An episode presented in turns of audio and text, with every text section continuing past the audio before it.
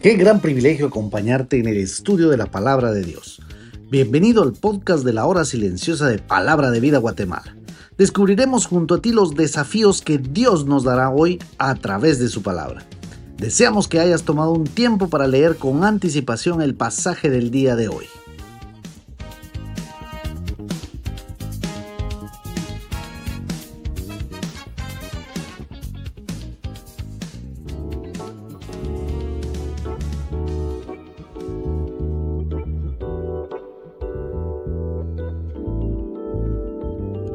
Estoy seguro que el Señor te ha estado bendiciendo mucho en este tiempo. El día de hoy, viernes, nuestra meditación se encuentra en la tercera carta del apóstol Juan, del versículo 1 hasta el 8, y leemos la escritura.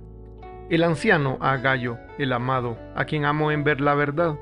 Amado, yo deseo que tú seas prosperado en todas las cosas y que tengas salud así como prospera tu alma.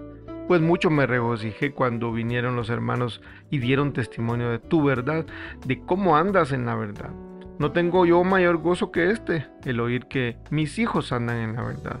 Amado, fielmente te conduces cuando prestas algún servicio a los hermanos, especialmente a los desconocidos, los cuales han dado ante la iglesia testimonio de tu amor, y harás bien en encaminarlos como es digno de su servicio a Dios para que continúen su viaje, porque ellos salieron por amor del nombre de Él, sin aceptar nada de los gentiles nosotros pues debemos acoger a tales personas para que cooperemos con la verdad. Juan el apóstol es responsable del Evangelio y estas tres cartas que llevan su nombre y también del libro de Apocalipsis o de las revelaciones. Esta tercera carta nos aporta una visión de cómo era la iglesia primitiva. Sabemos que esta fue escrita probablemente a finales de los años 80 después de Cristo. La carta fue escrita con el destinatario del hermano Gallo y se mencionan dos personajes más, vez un antagonista y pues que no recibía a los siervos y más bien echaba fuera a estos y a quienes se atrevían a ir en contra de él hospedando a los siervos.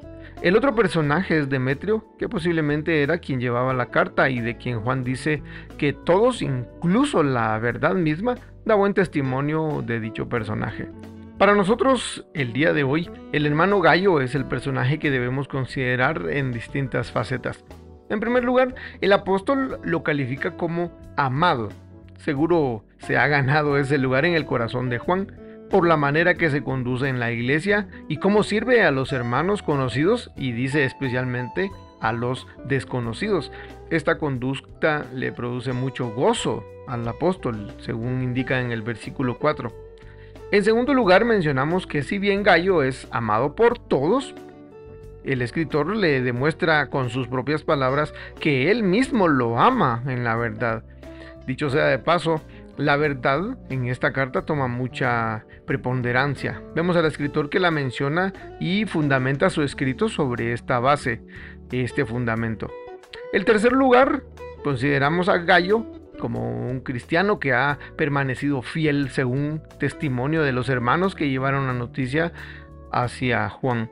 Pero lo importante en este punto es que de seguro Gallo ha sufrido los respectivos desprecios y es aquí donde interviene Juan y casi le grita, ánimo, Gallo, deseo que prosperes, le dice, en todas las cosas y que goces de buena salud, porque de eso no me contaron quienes te vieron, pero sí me contaron que tu alma ha estado prosperando, ha ido creciendo en el conocimiento de la verdad nuevamente. Así que lo demás ha de ser añadido, no te preocupes, anímate, porque has buscado primeramente el reino de Dios y hacer justicia. Los elogios para el hermano amado continúan aquí en el versículo 5. Fielmente te conduces, le dice, ¿En qué áreas específicas podríamos decir que Gallo era fiel? Si hablamos del trato con los hermanos que estaban sirviendo y viajando por estos lugares, pensemos en hospedar o buscar quién hospedara a estos. Provisiones podríamos mencionar también de comida eh, para el lugar en la casa o para el camino. Dinero tal vez para el momento en el que ellos viajaban, debiendo comprar más comida si se les acababa o tal vez ropa y al mismo tiempo ellos podían bendecir a otras personas eh, yendo por el camino. medicinas también podríamos mencionar, entre otras cosas. Todo esto especialmente con los desconocidos, le dice, qué bonito testimonio de este hermano llamado Gallo.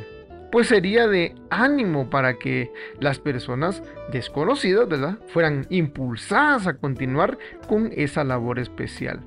Ellos estaban haciendo el trabajo de campo, digamos, y realmente debemos ser claros en este punto y debemos decir que hay dignidad en eso. Es que están haciendo un trabajo especial y significan, este trabajo significa la vocación con la que ellos mismos fueron llamados. Hay que tratarlos de esa manera y así seguirán su viaje. Recuerda, querido amigo amado, les dice, que estos han salido a hacer la obra del Señor. Es lo que le está explicando a Gallo. Y recuerda que nadie, nadie más que los cristianos comprometidos son los que apoyan a quienes predican el verdadero evangelio. Los incrédulos, ellos no van a apoyar. Ahora tú vívelo. ¿Puedes tú considerarte un amado hermano gallo? Te preguntamos. Bueno, hospeda, alimenta, sostiene a los hermanos que conoces que están haciendo la obra del Señor y que están predicando la verdad. Es por lo que tú haces por ellos, es por lo que tú ofrendas a ellos. Que la obra del Señor se sostiene hasta el día de hoy y así seguirá hasta que nuestro Salvador venga o nos lleve a nuestro hogar celestial. Dios te bendiga.